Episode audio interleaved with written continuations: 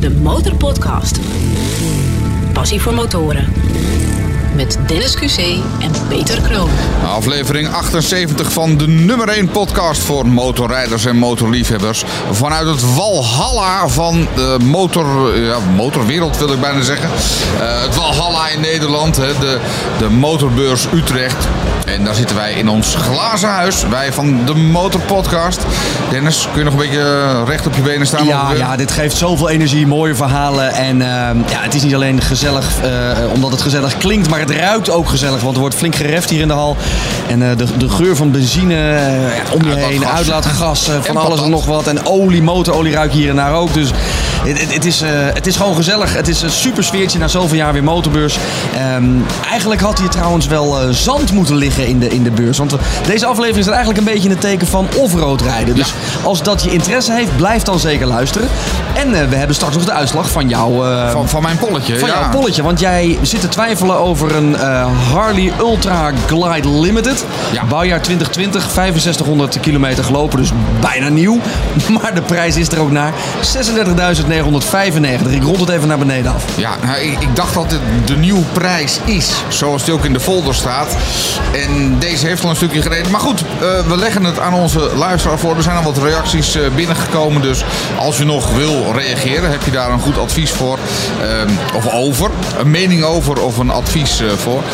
Laat het me gewoon even weten, of laat het ons even weten via onze Instagram. Dat is allemaal te volgen. Absoluut, at de Motorpodcast. Geef je mening, laat vooral weten of je Peter het moet doen of niet. En je hoort straks de uitslag. Ja, eh, gaan we ons nu eventjes helemaal storten op het adventure gebeuren. Eh, met wat zand hebben wij onder onze schoenen. Ben jij een beetje van het adventure eh, Nee, ik vind eh, eh, de verhalen heel mooi, maar ik zie mij ja, met een supersport. Ik ben echt supersportfan. Nee, ik zie mij niet zo snel door het zand baggeren. De Motorpodcast. Achter het vizier van Albert Oosting. Albert, welkom in het glazen huis hier bij Motorbeurs Utrecht. Dankjewel, eh leuk dat ik er mag zijn. Waar rij je op? Ik eh, rijd op een eh, oude Afrika Twin, bouwjaar 91, dus de RD04. En, Oké. die heb ik serieus aangepast voor het werk wat ik er graag mee doe. En wat is serieus aangepast? Wat heb je er dan allemaal aan gedaan? Eh, laat ik zo zeggen, het, het, het frame en het blok en de achterbrug zijn nog origineel. En voor de rest is eh, alles aangepast. Eh, langere veerwegen, eh, andere kuitwerk erop, andere lampjes. ehm, eh, compleet anders dan hoe die ooit van de fabriek is gerold. En waarom? Was die niet zo naar je zin toen je hem kocht? Nou ja, toen ik ehm, eh, de- deze ben gaan bouwen, toen was er niet dat op de markt wat ik zocht. Een, een adventure motor die ook lekker cruist op de snelweg, ehm, maar dan ook gewoon een crossbaan overgetrokken kan worden. En ehm, er waren wel fabrikanten op dat moment bezig, maar die waren bezig en dat was er nog niet. Eh, dus ik denk, als het niet op de markt is, moet ik hem maar zelf gaan bouwen. Zijn ze er inmiddels wel motoren waarvan je bij jezelf denkt... die voldoen aan al mijn eisen? Of hou je het gewoon nog eventjes bij eh, je Africa Twin... die je bijna ja, zelf gebaard hebt, zou ik, eh, zou ik willen zeggen. Ehm, ja, ja, ze zijn er inmiddels zeker wel. Ehm, want eh, toen ik begon te bouwen was de race naar de top. 140, 160, 165 pk en eh, too much in het veld. Ehm, inmiddels zijn ze weer ehm, handige eh, 750 cc, 800 cc motoren aan het bouwen. Twee cilinders met, met de juiste karakteristieke veerwegen. Dus ze zijn zeker te koop. Ehm, maar er zit zoveel liefde en passie in. En eh, er is maar één echt authentieke Afrika Twin blok. Dus ja, ik blijf nog even rijden wat ik rijd. Oké, verstandig. Waar is bij jou de motorpassie ooit begonnen? Ja, mee opgegroeid. Eh, mijn vader reed motor, eh, mijn broer die crosste. Eh, nou, die is een paar jaartjes ouder dan ik. Dus als kleine jongen zag ik hem al lekker in de rente over de bouwlanden heen crossen. Ik denk, dat moet ik ook. Eh, dus BMX'en was al gauw een broem broem crossmotor. En op mijn zevende mocht ik zelf gemotoriseerd verder. Oké, dat is een goed begin. Heel goed begin. Wat was de eerste motor die je ooit zelf aanschafte? Een, eh, ja, een straatmotor, een Kawasaki Z650. Ehm, eh, want daar had ik toen budget voor. Ehm, en die is er nog steeds. En dan ben ik drie jaar geleden nog mee naar Roemenië geweest. Eh, dus een, een bijna 40 jaar oude motor naar Roemenië. En ook daar gewoon over de onverharde paden. Dat kan gewoon. Dus Jij hebt niet echt een voorliefde voor eh, asfalt en stenen, maar uh, houdt meer van offroad, als ik het even heel kort samenvat. Eh, ja, ehm, ik hou van motorrijden. En ook op het asfalt is motorrijden is fantastisch. Het is een balanssport. Je kan heerlijk genieten van de omgeving. Ehm, het voordeel van offroad rijden is, je kan dat doen zonder afleiding van het verkeer. Dus als ik even wil stoppen om naar die reeën te kijken die eerlijk in het veld staan, dan knijp ik in de rem en ga ik stilstaan. En, en als ik dat in het verkeer doe, dan neem ik meteen Scania achter op mijn rug geplakt. Ja, dat, dat heb ik liever niet. En uiteindelijk ja, is het toch van een soort hobby is het werk geworden. Want je traint andere mensen in het offroad rijden. Maar je geeft dus ook EHBO-cursussen, onder andere. Ja, klopt. Ehm, eh, nou, na dit werk toe, ik heb een eh, carrière bij Defensie gehad. Na Defensie, en daar gaf ik al trainingen en les. Eh, ben ik in de BFV-wereld, EHBO-wereld gegaan, terechtgekomen. Ehm, dat leek mij leuk, maar miste ah, ja, wat enthousiasme zeg maar, en, en avontuur. Ehm, en op een gegeven moment kreeg ik vanuit die EHBO-wereld vragen van, kun je dat ook voor motorrijders doen? Ehm, dus begonnen met motorrij eh, EHBO. En eh, maar ja, EHBO aan de tafel heb je niks aan als je buiten in het veld staat. Dus ik trok ze mee het veld in. En dan zijn ze super tof, hele goede training EHBO, super veel geleerd. Maar die tips die je gaf over het rijden, oh, die vind ik ook fijn. Kan ik daar wat meer van leren? En toen ben ik rijtraining erbij gaan doen. Oké. Hey, maar eh, veel voorkomende kwetsures bij het motorrijden. Want ja, eh, als ik voor mezelf spreek, ik ben er maar één keer echt vanaf gevallen. Dat had ik het aan mijn voet. Maar eh, wat, wat zie jij of wat hoor je het meeste? Enkeltjes, knieën en sleutelbenen. Wat, wat kun je aan een enkeltje eh, sleutelbeen nog doen als je in het veld ligt? Als, als je je eentje rijdt bijvoorbeeld. Ehm, kijk, een enkel kun je een verband omheen leggen ter steun. Een steunverband heet dat. En die is wel bekend in de EHBO. En dan krijg ik vaak de vraag, ja maar dan moet ik mijn laars uittrekken. En ehm, eh, die krijg ik dan niet meer aan. Nou, je hebt ook een sok aan, een sok uit, eh, steunverband eromheen. Dan heb ik dezelfde ruimte. En vervolgens heb je iets om je voet wat de boel beter op zijn plek houdt. En dat is vaak wel voldoende. En pijnloos wordt het nooit, maar het is vaak wel voldoende om dan weer eh, even in bewoond gebied te komen. Dus altijd een EHBO-dingetje mee eh, in de motor. Ik heb zo'n klein, eh, het is zo'n zo'n rood tasje. Heb ik bij me met wat, wat pleisters en zo. Maar ik denk altijd van als het echt misgaat, dan wordt het gewoon 112 bellen. Want met die paar pleisters die ik bij me heb, plak je de boel niet dicht. Nee, nee, dat klopt. Ehm, ik kies er dus ook niet voor om die pleisters mee te nemen voor die dagtrip of, of dat weekendtripje. Ehm, voor de weekendtrip, dan ga je op reis, neem ik wel een EBO-setje mee. Maar wat ik voor het grijp heb, is een traumazwachtel en een eh, aluminium reddingsdeken. Met andere woorden, is het een sneetje, dan los ik het ook wel op met duct tape. Ehm, maar als het echt serieus wat is, ja, dan moet ik ook gereedschap hebben wat serieus wat kan. Ehm, en inderdaad, als het nodig is in Nederland, bel je 112. Maar onthoud even, eh, voor die motorrijders, je gaat daar naartoe wat lekker rustig is. Dus liefst uit wat bewoond gebied. Ehm, je kan wel bellen Duurt het wat langer voordat de ambulance er is? en je hebt het probleem nog niet opgelost. Hè? Jij staat daar waarschijnlijk met je maat. En je maat ligt te creperen. Help me nou, help me nou. Ja, ik heb 112 gebeld hoor. Je doet nog maar even een half uurtje rustig aan. Ja, dan ga je niet een half uurtje rustig staan wachten. En juist voor die tijd is het heel erg lekker dat je weet wat je moet doen. Oké, nou eh, kom, kom even met wat, eh, wat tips, zo even tussendoor. Eh, rust zal je redden, die, die kennen we allemaal. Zorg ervoor dat jij ook niet Scania op je rug geplakt wordt. Dus als je er even nadenkt, als je stopt, waar je dan stopt en, en hoe je de motor neerzet. En ehm, denk logisch na. En logisch nadenken en stress gaan niet samen. Met andere Ja, woorden, rust zal je redden. Even goed kijken wat, wat voor handelingen helpen. En als je in die rust, en dat is vaak maar een paar seconden, in die rust ga je dingen zien dat je denkt van nou, daar wil ik mee doen. En eh, op het moment dat je maat eh, of vriendin of whatever eh, nog aanspreekbaar is, dan kunnen ze jou ook heel goed vertellen wat er aan de hand is. En luister daar voornamelijk naar. Hoe ver gaat de EHBO? Ik ben zelf ook EHBO'er, maar gewoon normale EHBO'er. Wat leer ik nou anders? Of eigenlijk de, de vraag, wat leer ik als motor EHBO bij jou in de cursus? Je leert bij mij te beseffen waar je bent en wat dat voor invloed heeft op de EHBO die je doet. Met andere woorden, ik ben langs de kant van de weg, dan kan er makkelijk een ambu bij mij komen. Ehm, ik zie in de verte een boerderij en als je met je groepje bent, dan is daar meer middelen dan dat jij op je motor mee hebt. Ik sta midden in het bos, maar dan weet je dus dat jij langer moet wachten op EHBO. En dan moet je dus ook gaan nadenken over wat doe ik nou met die reddingsdeken. Ik- maar je moet dus ook denken van een beetje bloedverlies in 10 minuten is heel anders dan een beetje bloedverlies over een uur. Ehm, met andere woorden, ik sla eigenlijk het huistuin en keuken EHBO over. Want dan zeg ik, dan plak je maar wat duct tape overheen. En ehm, ik leid je eigenlijk alleen maar op voor die dingen dat je denkt, En nou moet ik echt gaan handelen. En, en hoe ga ik dat nou creatief met de spullen die ik heb oplossen? Nou ja, een rolletje gaffertape mee. Ik heb eh, Dennis een keer dichtgeplakt eh, met een rolletje gaffertape zeggen- eh, aan zijn hand. Dat werkt heel goed, is waterdicht, blijft heel lang plakken. Beter dan een Hansaplast-pleister, moet ik zeggen. Ja, en, en Hansaplast heeft dan ook wel weer systemen die dan wel in een handschoen werken. Eh, dus dat is leuk om naar te kijken voor de prijs. Maar ik, ik ben groot voorstander van duct tape, jongens. Zo lekker multifunctioneel. Ja, maar dat, dat geeft dan een beetje een lijmlaagje. Dat, dat, dat zwarte gaffertape, daar zit een beetje linnen in. Ehm, gebruiken we ook eh, in studio's en zo. Laat geen lijmresten achter en plakt ook alle wonden dicht. Maar goed, Het, het is ook voorkomen is beter dan genezen. Ik, ik moest dan over een hek klimmen. Dat had ik gewoon ook niet moeten doen. Maar goed, eh, het, was, het was ook op een motorevenement notabene. Ja. Naast de E EHBO eh, geef je ook eh, rijtrainingen. Ja, eh, over het voorkomen is beter dan genezen. Eh, Als je lekker ontspannen kunt rijden, eh, je weet waar de risico's liggen, je kunt daar bewuste keuzes in maken. Dan rij je vaak vlotter, met minder energie en veiliger door het terrein.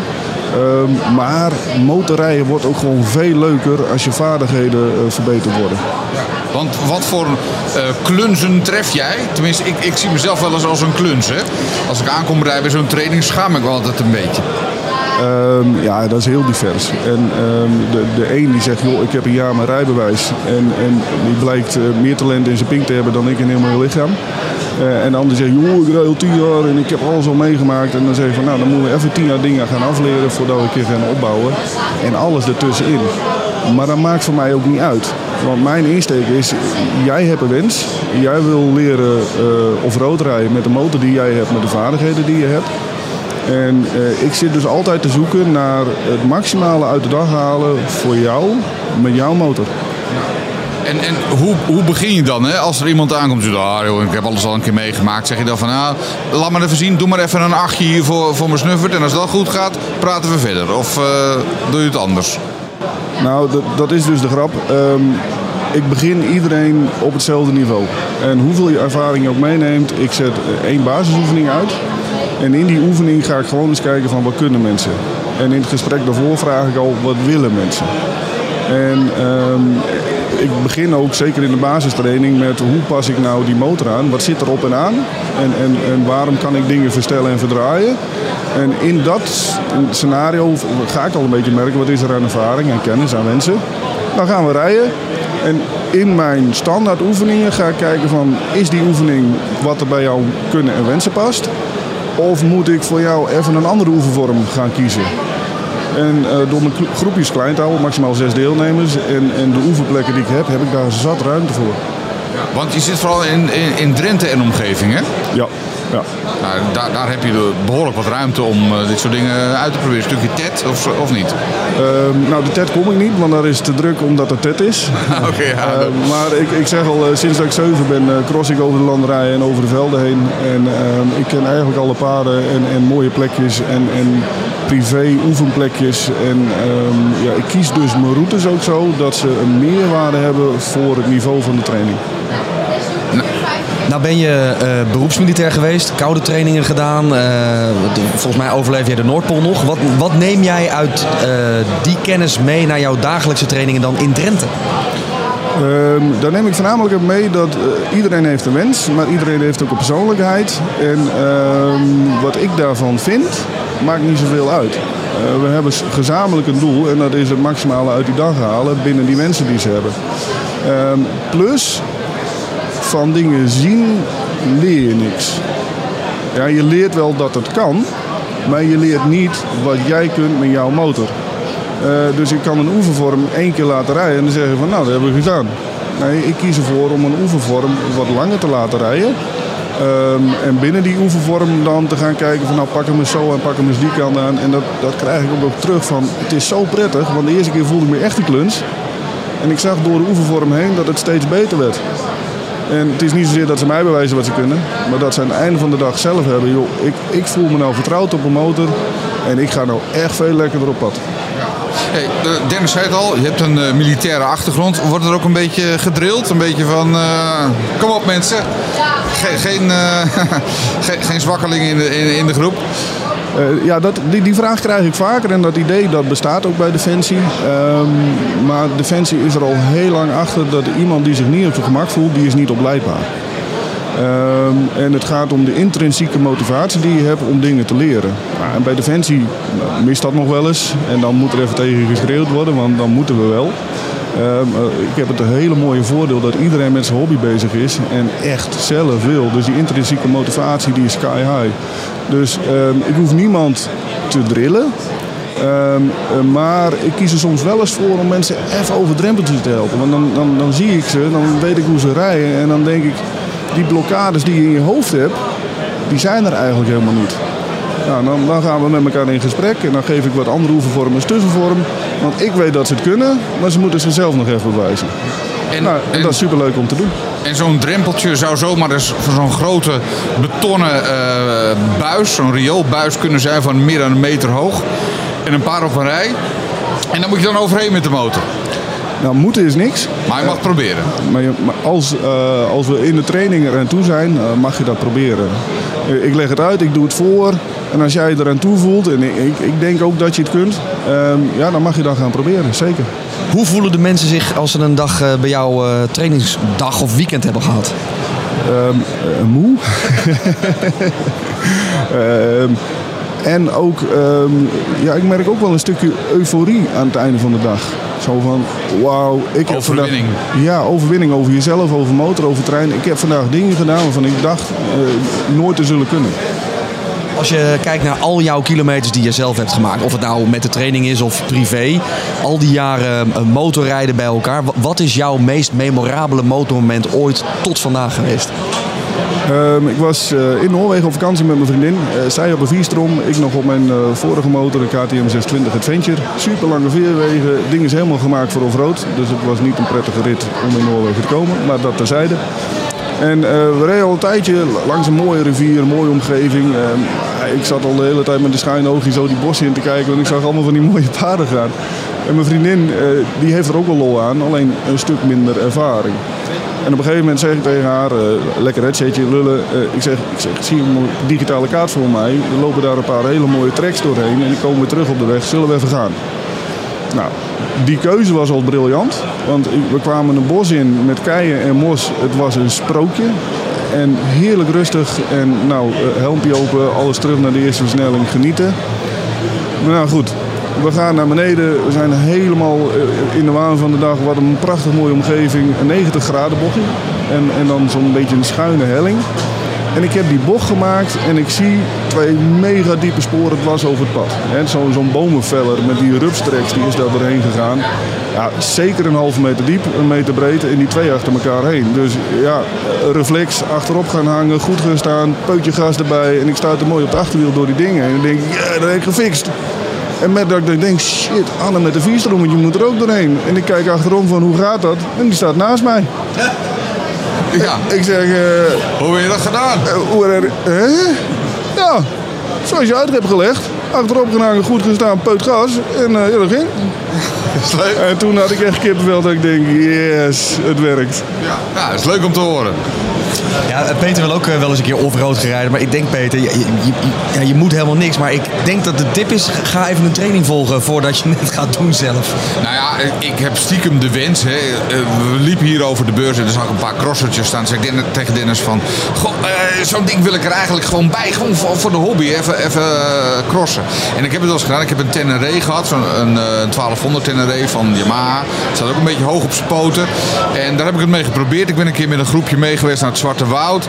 En ja, daar was ook een soort van instructeur bij. Die zei van nou, eh, was er een beekje moesten we overheen. Ja, staan en er doorheen. En ik had echt zoiets van, oh mijn god, als ik nu omval met dat ding. Dan zuigt hij zichzelf helemaal vol.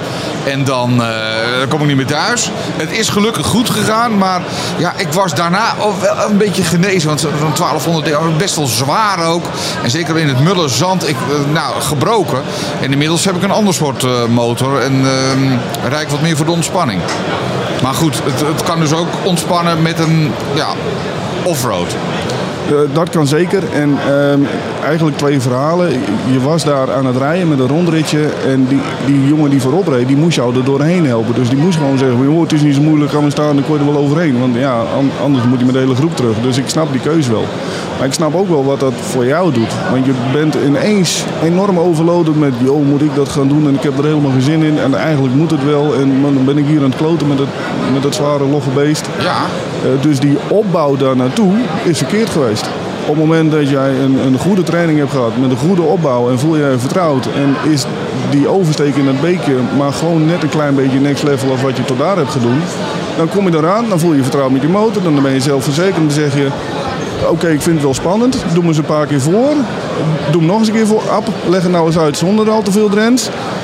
Ja, nou zie ik het mezelf doen en dan doe je dat en dan sta je aan de andere kant niet van, oh, dat heb ik gered, maar dan denk je, yes, dat heb ik gefixt. ja, ja. En dat is de insteek. En dat is het mooie van die opbouw van die training. We vragen ook aan heel veel van onze gasten: wat zou jij doen met 100.000 euro? Nou, normaal moet dat opgaan aan je motorpassie. In dit geval keur ik ook goed dat het op mag gaan aan Adventure Shield, jouw, jouw train, eh, trainingsbedrijf. Wat zou jij doen met 100.000 euro voor je motor? Fictief, hè? Fictief. Ja, ja, ja. De Motorpodcast. 100.000 euro voor je motorliefde. Wat ga jij ermee doen? ja, zeg het maar. Een eh, geweldig mooi oefenterrein bouwen waar alle oefenvormen prachtig mooi getraind kunnen worden. Kijk, nou, dan- kom ik zeker ook eventjes bij jou een, eh, een, een cursus volgen. Albert eh, van Adventure Shield, enorm bedankt dat je even wilde aanschuiven bij eh, de studio van de Motorpodcast. Want je hebt je stand verlaten in hal 11. Mocht er eh, nu nog iemand zitten te luisteren die nog naar Motorbeurs Utrecht komt, kom zeker even in hal 11 kijken bij de stand van, van Albert Adventure Shield. En wil je meer weten over offroad trainingen, de EHBO voor de motor, allroad, een dag, een weekend, maatwerktrainingen zie ik ook nog staan. Ga naar adventureshield.nl of kijk even in de show notes van deze aflevering. De Motorpodcast. En ondertussen is in het motorwalhalla van Nederland Motorbeurs Utrecht, waar de Motorpodcast prominent aanwezig is met ons glazen huis. Midden in hal nummer 9 is weer een, een echte luisteraar aangeschoven bij onze desk. Remco, welkom. Ja, dankjewel. Jij kwam hier binnen in, eh, in ons glazen huis en je zei... Ik vind het allemaal prachtig wat jullie doen, maar er is één maar. Er zou wat meer aandacht besteed moeten worden in de motorpodcast aan techniek. Leg uit. Ja, misschien geen, geen maar, maar een en inderdaad. Eh, ik vind het heel erg leuk om te horen de reisverhalen van mensen. Dat vind ik echt heel erg gaaf. Ik heb, eh, ik heb zelf drie kinderen. Twee zijn aangeschoven hier, eh, zitten naar me te kijken. Eh, dus echt verre reizen zitten voorlopig even niet in. Maar sleutelen, dat kan natuurlijk wel. Hè? Avonduren, weekenduren. Dus ja, dat vind ik zelf heel erg gaaf. Ik heb zelf een, een VMAX. Ik weet niet of ik mag zeggen of dat we eerst maar rijden op doen dan. Waar, waar- we doen het gewoon even. Even kijken, waar is mijn toeter? Waar zit hij? Waar rij je? Nou, ik rij op een Yamaha VMAX 1985. De allereerste serie, serie nummer 261. Dus eh, dat is een, eh, dat is een oldtimer. Ja, beschrijf hem even. Het is een dikke motorfiets, hè? Ja, het is een dikke motorfiets, 1200cc V4. Ehm, ja, en eh, dat ding heeft V-boost en die, eh, die gaat normaal gesproken als de brandweer. Vooral voor zijn tijd.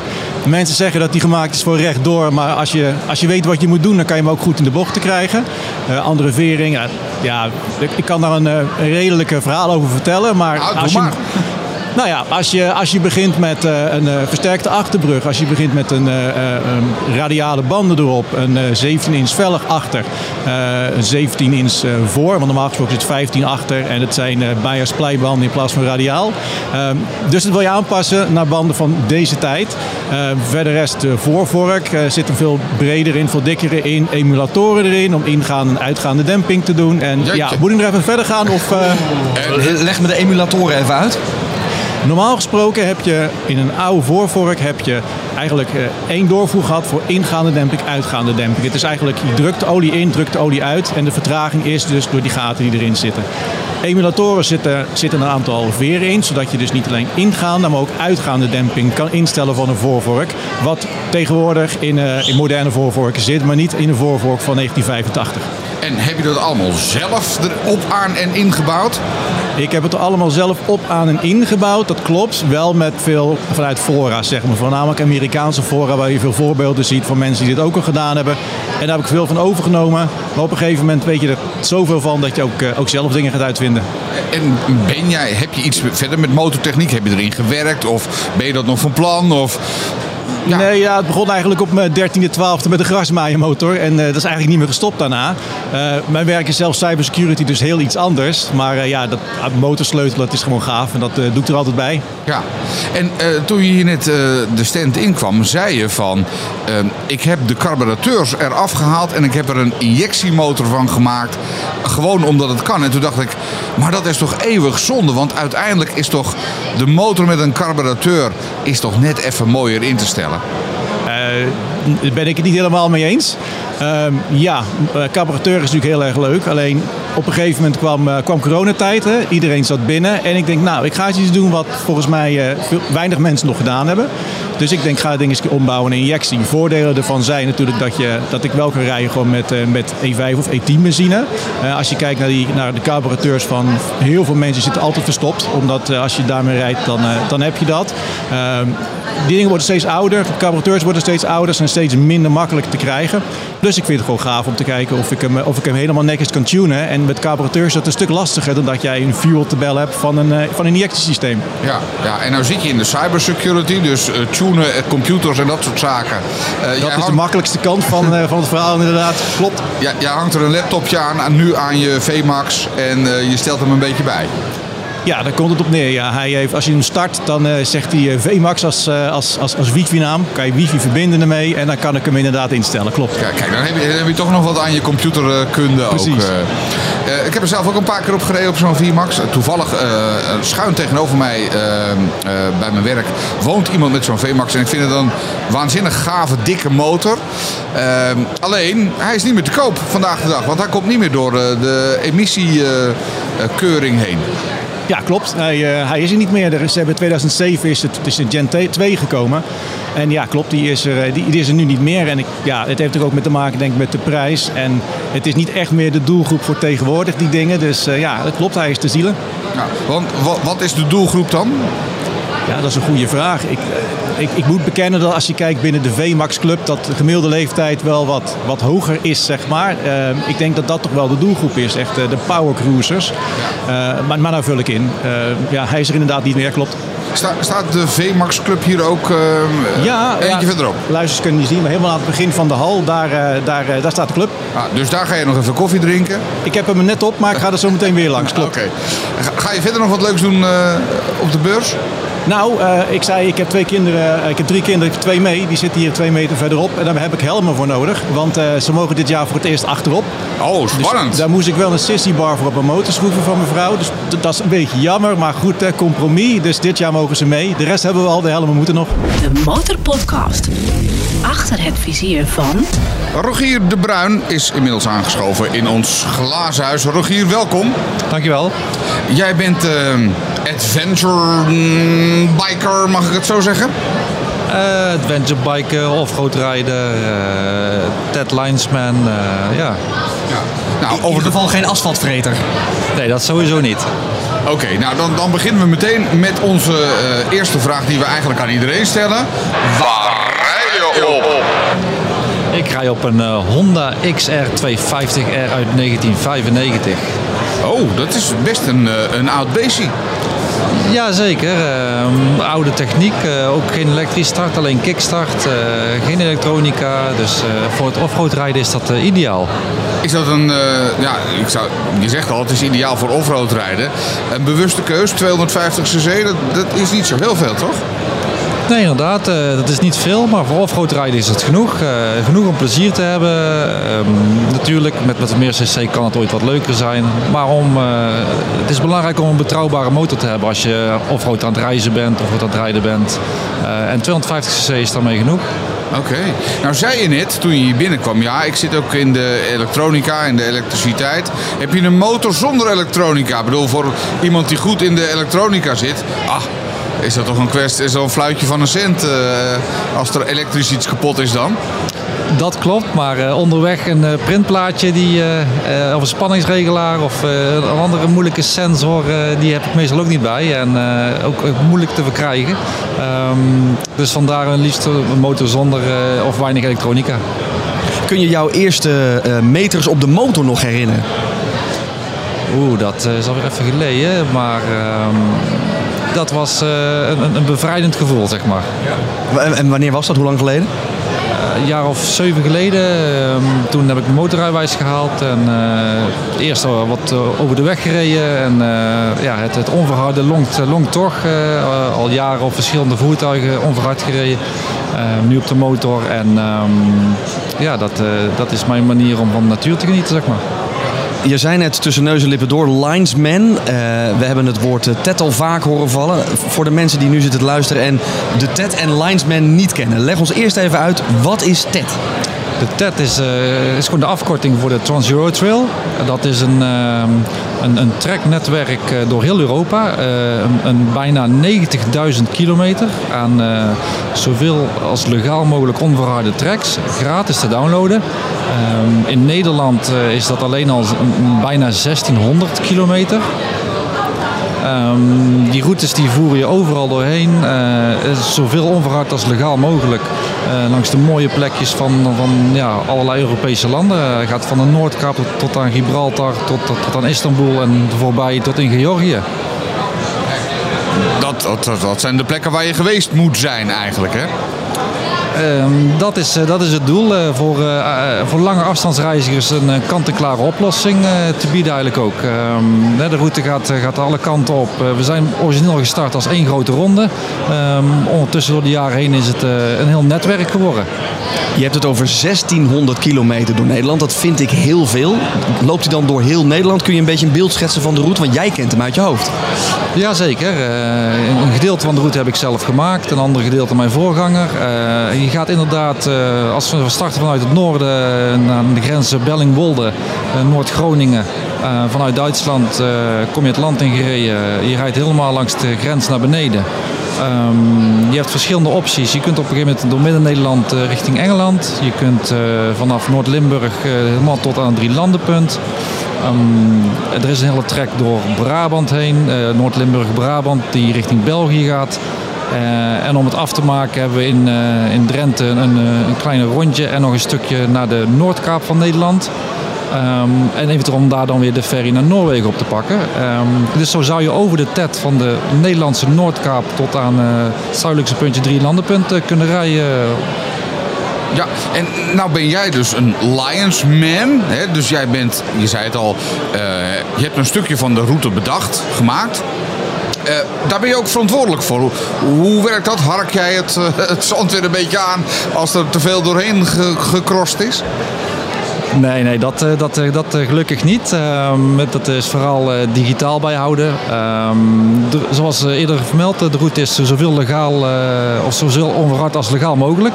Um, helaas leven, we in een dichtbevolkt land en worden er af en toe nog borden geplaatst of slagbomen of zijn er wegwerkzaamheden op dat moment uh, is die uh, route niet meer toegankelijk, die trek uh, van de, van de Trans Trail. En maak ik een omleiding.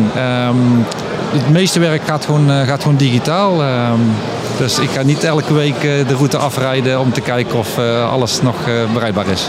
Nou kan ik me voorstellen dat, dat mensen die in hun achtertuin zitten, grenzend aan een bos, die van de een op de andere dag opeens de TED door hun achtertuin hebben lopen, dan denken, wat is hier aan de hand? En dan? En dan? Ja, klopt. Uh, ik krijg regelmatig uh, e-mailtjes binnen die, van verontrustende omwonenden. Um, ja, goed.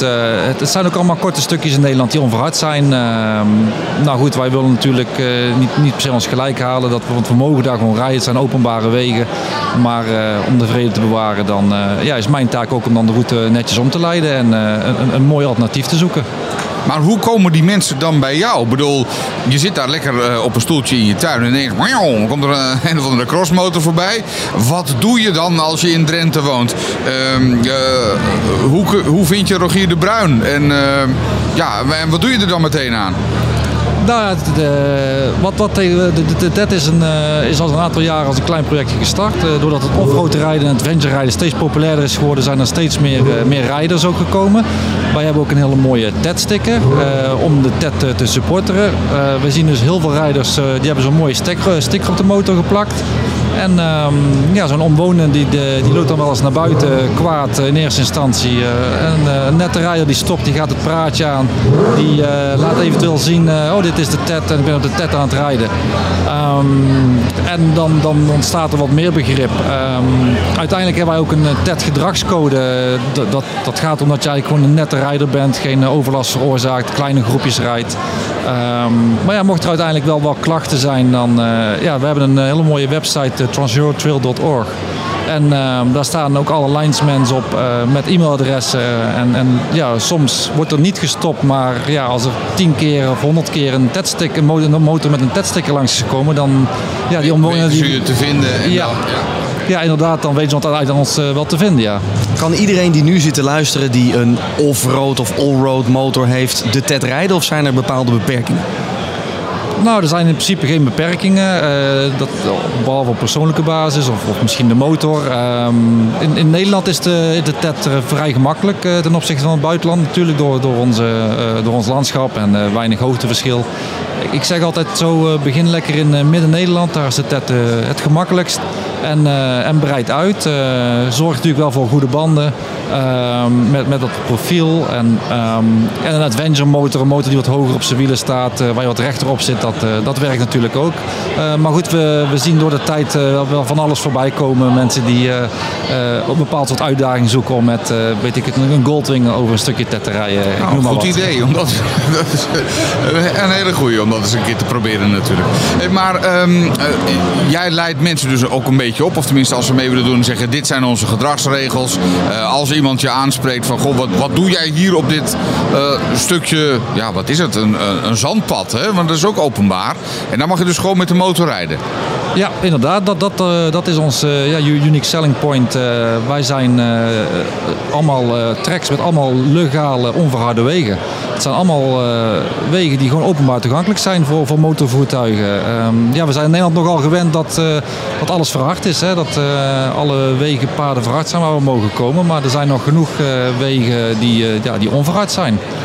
En nou ga jij inmiddels ook alweer een stapje verder. Niet alleen maar die, eh, die, die TED of dat stukje binnen Nederland het een beetje onverhard is, waar jij dan voor verantwoordelijk bent. Maar je richt je ook op de Spaanse Pyreneeën. Ja, zeker. Eh, buiten de TED om, eh, want de, de TED is een leuk vrijwilligersproject. Ehm, maar goed, dat brengt geen, geen cent in de la. Ehm, eh, ben ik ook gestart met offroad trips in de Pyreneeën. Eh, met, eh, we- met motoren die daar al te plekken zijn. Ehm, om, om daar de mensen eh, lekker van natuur te laten genieten. Met wat eh, uitdagender landschap dan, eh, dan Nederland. En, eh, en onder de mooie Spaanse zon. En hoe, hoe ben je daar zo op gekomen? De Spaanse Pyreneeën, dat is niet echt om de hoek natuurlijk. Nee, nee dat, eh, dat is inderdaad niet om de hoek. Dat is af en toe wel lastiger natuurlijk. Ehm, maar het is daar eh, in verhouding met eh, Nederland is het eh, een offroad paradijs, zeg maar. Ehm, de, worden, de bevolkingsdichtheid is een heel stuk dunner. Eh, er zijn veel meer paden, eh, een heel stuk uitdagender. Dus het is gewoon, eh, het is gewoon prachtig rijden daar. Oké. Hey, en en hoe, hoe kom je daar terecht? Ja, op de motor natuurlijk. Maar als jij eh 250 cc en maar eerst helemaal naar eh, Spanje moet rijden. Of gaan de motoren op een trailer... Hoe pak je het aan? Nee, nee, de motoren die, eh, die staan al ter plaatse. Ehm, en je kunt dan eh, zelf gewoon eh, eh, of invliegen of eventueel eh, in komen rijden met, een- met een groepje. En eh, ja, de motoren die staan in ieder geval klaar daar. Accommodatie is klaar. eh, compleet met eten en drinken is geregeld, zeg maar. Oké. Nou, Nou zag ik ergens op jouw website, we gaan back to basic. Eh, hoe back to basic is back to basic? Ehm, inderdaad, eh, back to basic. Eh, om te beginnen de motoren. eh, dat, die zijn ook de Honda XR250 eh, uit de jaren 80 en 90. Dus dat, dat is al een stukje basic. Die motoren hebben alleen een kickstart. Dus dat is wat uitdagender dan met een knopje kunnen starten elk moment. Ehm, de accommodatie die is ook wat, wat basic. Ehm, dat is gewoon een, een, een oude woning uit, eh, weet ik, een paar honderd jaar geleden. Ehm, ja, die, eh, die wordt omgetoverd tot... eh, eh, biker hotel ongeveer, maar dan, niet, maar dan basic. Dus harde bedden. Ja, nou, niet per se harde bedden, maar het is niet zo dat elke kamer zijn eigen sanitair heeft en dergelijke. Maar gewoon nieuwe nette bedden, dat allemaal wel. Maar wel met de charmes van een, een oud Pyrenees huis. Eh, back to Basic is inderdaad eh, de Kickstarter. Er is terugslag eh, gehad. eh, is mij wel eens overkomen namelijk. dat hij ineens terugslaat.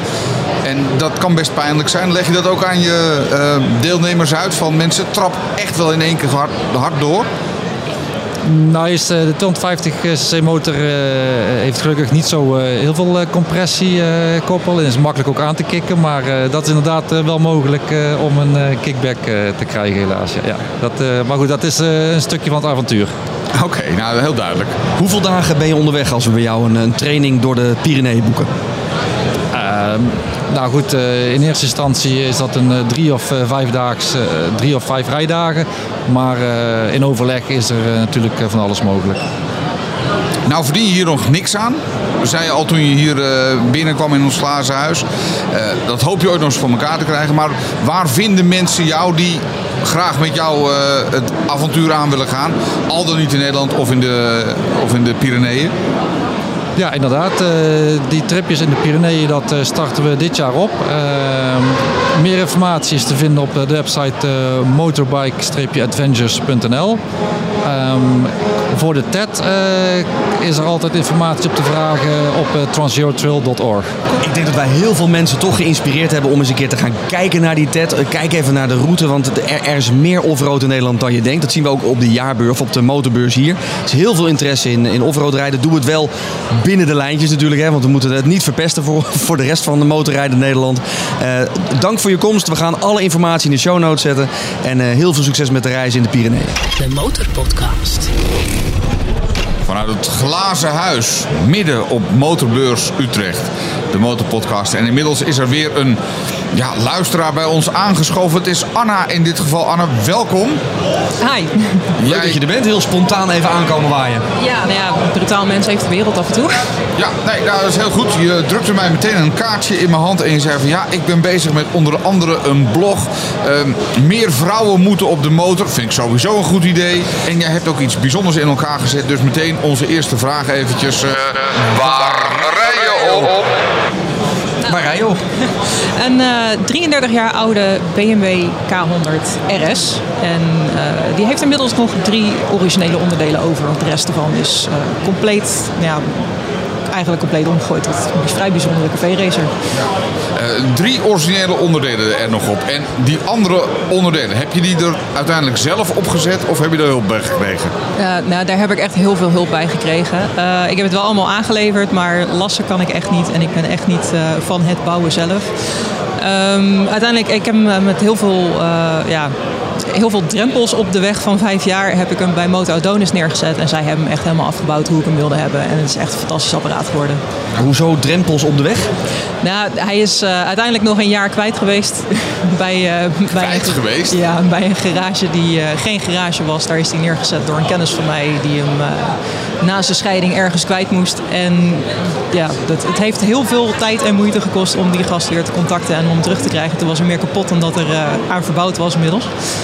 Dus dat, eh, dat was wat minder eh, gelukkig. Maar ja, Moto heeft het gewoon helemaal goed gemaakt. Ja, die mannen die kennen we van Adonis. Dat zijn echt ja, top, topgasten. Die, die weten waar ze het over hebben. Maar beschrijf hem eens eventjes. want het is de Orange Brick, hè, noem je hem. Ja, ja de, de, de naam komt eigenlijk een beetje van de Flying Brick. De motor heeft natuurlijk als, ja, als bijnaam de Flying Brick gekregen omdat het ding gewoon een baksteen van een motorblok heeft. En ja, hij is knallend oranje aan de voorzijde en eh paramour wit aan de achterzijde met candy flake glitters. eh, zoals je die meestal met een Harley Davidson gewend bent, want ik wilde hem gewoon zo glitter mogelijk hebben. En eh, ja, het, het is in ieder geval ook niet de meest standaard café racer of het meest standaard K100 project om eh, te zien. En waarom kies je voor zo'n motor? Ik bedoel, nog los van het feit dat het ongelooflijk veel werk is. Hè? Je zei net al vijf jaar en dan is hij ook nog even kwijtgeraakt. En weet ik veel wat allemaal nog meer. Een hoop, hoop toestanden om zo'n motor in elkaar te zetten. Waarom kies je voor zo'n project? Zou ik gewoon ja, een eh, leuke motor hier, eh, hier kunnen kopen eh, op de beurs. Hebben ze ook aardige café-racers? Zeker. Ehm, wat me bezielt, eigenlijk geen flauw idee. Het was liefde op het eerste gezicht toen ik het motorblok zag. En ik heb het ooit eens een keer in mijn bol gekregen en ik ben gewoon verder gegaan. Eh, in hindsight, als ik nu had geweten wat het me gekost heeft en hoe lang het, hoeveel tijd het me gekost heeft, had ik het misschien niet gedaan. aan de andere kant ben ik er wel gewoon heel erg blij mee. En eh, ja, hij, hij is bijvoorbeeld niet geschikt om Duitsland in te gaan. Dus daarnaast hebben we ook gewoon nog een Transalp. Oké, ja, gewoon een, een allemansvriend. Ja. eh, ja. Hoezo niet geschikt om Duitsland in te gaan? te veel Hij lawaai? maakt- Hij maakt veel te veel. Het, het, is, het is ook net, oké, de kleppen moeten absoluut nog gesteld worden. Maar het is net alsof je de gas van Newcats achterop hebt. Ah, Oké, ja, maar dat is wel lekker natuurlijk even eh, Het, het trekt heel wat koppen. Ja. Eh, je zei het net al, het heeft me toch behoorlijk wat geld gekost. Geef ons eens een indicatie. Ik bedoel, dit is een Nederlandse podcast, hè, dus de Nederlandse vraag is altijd... Wat kost dat dan? Te veel. ik, ik denk dat ik eh, met alles erop en eraan, de onderdelen, het werk, eh, de manuren, waar, heeft, hebben ook echt heel veel manuren ingezeten, dat ik rond de 20.000 euro kwijt ben geweest. Ja, dat is, eh, dat is flink. Ja, daar kan je hele gave motoren van kopen. Ja, absoluut. Hey, ehm, net zei je het al, tenminste toen nog buiten bij, onze, bij ons glazen huis stond. Zei van ja, meer vrouwen zouden iets met motoren moeten doen. Eh, vind ik op zich een goed streven, want eh, ja, dat is toch zeker 80% man. Ook wat hier rondloopt op de beurs. Ja. Eh, wat doe je daaraan? Ehm, nou ja, het is eigenlijk een beetje gekomen. Ik ben zelf SEO-schrijver, dus ik schrijf voor heel veel bedrijven. Schrijf ik eh, Dat moet je even uitleggen. Je gaat heel snel SEO schrijven. Dat weet niet iedereen. Eh, search Engine Optimization. Dus zorg dat je gevonden wordt in Google als bedrijf. En ik, wil- ja, ik, ik heb gewoon mijn eigen schrijfstijl. En daar wil ik ook meer mee gaan doen. Maar alle motorblogs die er zo'n beetje zijn, zijn eh, toch wel een beetje man georiënteerd. En een, een, een- zeker in de, de café-racers, in de custommotoren, zijn er gewoon verdomd weinig vrouwen. En eh, ik ben zelf ook lid van Motormeiden bijvoorbeeld. En bij hun merkte ik ook op de groep van... er is niet heel veel aandacht voor de motorrijdende vrouw. En eh, daar wilde ik eigenlijk gewoon verandering in brengen. Dus ik ben gewoon begonnen twee maanden geleden. En ik zie al waar het schip stond. Maar de motormeiden, je zei al, daar, ben ik ook eh, lid van.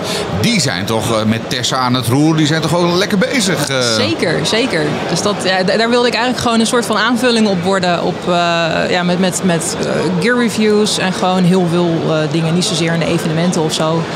Maar om daar toch wat, eh, ja, wat, wat meer naar reviews te gaan kijken. Naar tips en rijderstips. En eh, ook vooral de uitgelichte verhalen van waarom mensen rijden. En ja, zoals ik, waarom ben ik zo'n idioot die zo'n eh, zo'n fiets gaat verbouwen. Ik ben niet de enige daarin. Ehm, via de BMW Club Nederland wil ik ook met meer BMW-rijders, ja, met, met verbouwde en oude BMW's in contact komen om daar ook wat meer mee te gaan doen. En überhaupt gewoon meer verhalen van vrouwen van waarom ben je gaan motorrijden? Wat is het verhaal daarachter? Want ook het, het stukje uitlaatklep eh, is iets wat heel veel terugkomt. En, dan hebben we het niet over de uitlaatklep die eh, standaard in de BMW eh, uit laten zitten. Maar, maar vertel eens, waarom ben je eigenlijk zo idioot om dit allemaal te doen? Geef eens Eh, antwoord op die vraag. Ja, dat is een hele goeie. Ik, eh, ik, ik ben ooit gewoon begonnen met motorrijden. Om, oh, sowieso wilde ik dat van kinds af aan al. Eh, ik ben altijd al gewoon motorgek geweest. Vanaf mijn, mijn buurvrouw die tegenover mij woonde... die een oude Yamaha crossmotor in de gang had staan. En ja, het, het, het heeft me eigenlijk nooit meer losgelaten. En ik ben wel de enige in mijn familie, terwijl iedereen motorgek is... de enige in mijn familie die daadwerkelijk zijn motorrijbewijs gehaald heeft... En ja, dat, dat is uiteindelijk gewoon op een café-racer terechtgekomen. Omdat ik het, het motorblok en de motor zo gaaf vond. En, en hoeveel van de motormeiden ehm, hebben ook een café-racer die verbouwd is? Of ben je daar echt eh, uniek in? Ik weet niet of er meerdere leden zo'n motor hebben. Ik eh, zie eigenlijk alle, over het algemeen het Facebookgroep en zo zie ik meestal gewoon stokmotoren voor, voorbij komen. Wel met een paar, paar leuke accessoires erbij, maar niet zo erg als ik. En jij richt je ook, want het staat hier op je website, de wereld eh, eh, vrouwen, de wereld van café-racers en custommotoren. Dus je gaat je niet richten op het meer sportievere model, omdat vrouwen daar misschien op zouden moeten of willen gaan rijden. Eh, nee, want ik, ik ben zelf ook absoluut geen supersportrijder. Ik ben permanent rugpatiënt. Dus dat eh, supersport is ook iets waar ik... Waar, ja, dat, het heeft mij... Ik, ik, ik vind ze wel echt gaaf, maar ik, eh, ik kan er zelf ook gewoon absoluut niet op rijden. Dus ik, ik wil me wat meer focussen, in ieder geval op de motoren waar ik wel op kan rijden, waar ik zelf ook wat meer verstand van heb. Want supersport en ja, sportmotoren is niet gewoon niet mijn ding. Onze, onze ondertitel is Passie voor motoren. Wat betekent passie voor motoren, behalve dan dat K100 recht toe recht aanblok voor jou? Eh, ja, vooral de community eromheen. Het is, eh, ik, ik vind het gewoon fantastisch hoe motorrijders onderling ook gewoon voor elkaar zorgen. Het is altijd een bepaald slagvolk. Eh, ja, mensen hebben er vaak verwachtingen bij van ongevaarlijke mensen. Maar het, het zijn hele zorgzame mensen. Wat ik ook tegenkom bij welke soort rijders ik het ook tegenkom, het is echt ons kent ons en vooral everybody's got your back. Dat, dat is iets wat ik gewoon heel erg mooi vind aan het motorrijden. Waarom ik ook gewoon veel liever binnen de motorrijders zit als binnen de car scene. Ik heb wat, wat vrienden in de car scene, maar dat is ook niet echt mijn, eh, niet, niet mijn ding. Wij merken dat ook een beetje op de beurs. Het zijn ook eh, eh, standhouders onderling. Weet je, ook zeker na beurstijd even nog eh, een biertje doen met elkaar, drankje doen, elkaar leren kennen, het netwerken, elkaar heel veel gunnen. Echt met heel veel mensen ook contact gemaakt. Dat is ook wel inderdaad wat de motorwereld typeert. En wat ons Ja. deze motorbeurs ook weer extra heeft geleerd. Vind ik Ja. in ieder geval. Eh, behalve dat jij bij de motormeiden staat op de, op, de, op de motorbeurs, doe je zelf verder hier nog inspiratie op? Of nee, nee, we- ik sta ook trouwens niet bij de motormeiden. Ik ben wel bij de stand langs geweest. Ehm, ik, ja, wij, staan, wij staan morgen bij motor.nl eh, met het interview van Wat rij jij? Ik samen met mijn vriend. Ehm, en voor de rest zijn we er eigenlijk gewoon vandaag prikken, privé, lekker rondhuppelen. En heb je privé al iets leuks gezien waarvan je zegt hebben, hebben, hebben, kopen, kopen, kopen? Of Nee, nog niet heel erg. Ik, eh, ik, ik ben stiekem een beetje op zoek naar een matchende oude styling jas. Eh, ik ben wel een te- gele tegengekomen van Rusty Stitches, maar geel en oranje vloekt gewoon. Ehm, ik ben voornamelijk eigenlijk nu op zoek naar een want dat is het enige wat ik echt heel erg nodig heb. En eh, ja, ik, ik, ik ga al sinds 2013 naar de motorbeurs. Eh, ja, we hebben twee jaar eigenlijk niet kunnen gaan. Onze eerste date was op de motorbeurs en ja, drie jaar later kunnen we nog eens een keertje. Dus het was voor- voor- vooral eigenlijk gewoon even lekker rondneuzen. Weer lekker zoals vanouds op de motorbeurs gewoon rondrennen. Als we jou nou treffen op motorbeurs eh, 2000, nou laten we zeggen twee jaar, 2025. Waar sta je dan met eh, het blog theorangebrick.com? Eh, ik hoop naast motormeiden. dat, eh, nee, dan, dan- hoop ik zeker wel eh, ergens gekomen te zijn met een blog of samen met motormeiden of samen met een, een andere of met de BMW Club. Maar dan hoop ik er zeker wel gewoon vier dagen lang te kunnen staan omdat ik echt ergens gekomen ben met mijn project. En rijd je dan ook nog steeds op die Orange Brick? Of gaat er ooit misschien een andere motor komen waar je op hoopt, financieel gezien misschien? Of is dit echt jouw ultieme motor? Die, die brick die gaat nooit meer weg. Die, die gaat echt niet weg. Nee, dat, eh, er staat nu 137.000 kilometer op. Eh, die heb ik er niet op gereden, dat sowieso. Het is een sterk blok, maar als die op is, gaat er gewoon een ander blok op. Want die motor die blijft. Die gaat echt goed streven? Oké. Hey, veel plezier vandaag verder. Ja, dankjewel. De Motorpodcast. Ja, we zijn aan het eind gekomen van aflevering 78 van de nummer 1 podcast van motorrijders en motorliefhebbers. Eh, vanaf Motorbeurs Utrecht. Ja, we hebben jou als luisteraar advies gevraagd over eh, de Harley van Peter. Voor Peter, bouwjaar 2020, 6.500 kilometer. 37.000 euro eh, schoon aan de haak. Dat is wel pijnlijk, hoor. ja, dat is pijnlijk. En dat vindt ook eh, de luisteraar. Want jij zei eh, eh, 54% nee, niet doen. 46% zegt doe het maar wel. Dus het is niet helemaal duidelijk. Maar een aantal mensen moeten ook lachen. Moet, moet je niet gewoon naar een Indian, wordt er gezegd. Eh, eh, iemand anders zegt nee, hou je creditcard. Je komt vast een mooi aanbod. Maar ook iemand anders, Dennis eh, Heijmans, grote fan van de show, die zegt... is dat het beest bij Lowlands? Als Peter het budget heeft, doen voor het te laat is. Dat gaat over de groene, hè? De, nee, dat gaat over, over deze Harley. Ehm, en, Ik had er twee opgezet, hè? Oh, nee, dit, dit gaat alleen over jouw deal met de Harley. Oké, en Harold die schrijft, Harold onze fotograaf Only Bike Life, die zegt nee, Indian, Indian, Indian. Dus advies is niet doen, Peter. Nou, dan, dan laat ik het hierbij. Dan, dan doe ik het gewoon eens een keertje niet. Eh, trouwens, eh, het is ook wel erg veel geld hoor. Dat is ongeveer een beetje een modaal eh, jaarinkomen. Dus eh, nou, Je bent er nog helemaal niet uitgekeken op je Road King Special. Nee, eigenlijk ben ik er ook niet op uitgekeken. Maar in het kader van eh, Never Sell, eh, Just Add wil ik er eh, eigenlijk nog gewoon eentje bij hebben. Omdat het leuk is en omdat je eigenlijk maar één keer op deze planeet bent. Tenminste, daar geloof ik in. Ik hoop niet dat, of ik denk niet dat er een hiernamaals is. Dus je moet genieten in het hier en nu. Dus dan maar nu all the way. Tenminste, Nou, je hebt nog één dag om te twijfelen en morgen is de zondag. Hè? Dat zijn, eh, is natuurlijk de, de koopjesdag. Dus misschien moet je het dan nog een keer proberen. Oh, de koopjes dat. Nou goed, dat ik, En exposantenkorting, podcastkorting, eh, noem maar op. Ja. Oké, wat, wat hebben we verder allemaal nog in het ehm, verschiet? We gaan nog even praten met eh, de grote baas van eh Motorrijden Nederland. Hè? Dat hebben we nog ergens klaarstaan. Ja, eh, de heer Kroijmans, Tom Kroijmans, die, die komt nog eventjes eh, eh, aanschuiven. Hij werkt voor de eh, rijvereniging eh, Motorrijders. En ook bij BMW Motorrad. Dus eigenlijk nou, de, de big chief van Motorrijden Nederland voor wat betreft de rijvereniging. We gaan nog praten met eh, Rachel van de motorbeurs zelf. Zij komt ook nog aanschuiven eh, voor de bekendmaking van de actie Win je aankoopbedrag terug. Want iedereen die hier op Motorbeurs Utrecht een motor, een tweedehands motor heeft gekocht, die maakt kans om het aankoopbedrag terug te krijgen. Kijk, dat zijn fijne vooruitzichten. Maar dat, dat hoor je later hier bij eh, de Motorpodcast. Dus nou, blijf ons volgen. Blijf op de hoogte van alles wat er gebeurt op Daar heb je de Motorpodcast voor. De Motorpodcast. Gratis in je favoriete podcast app.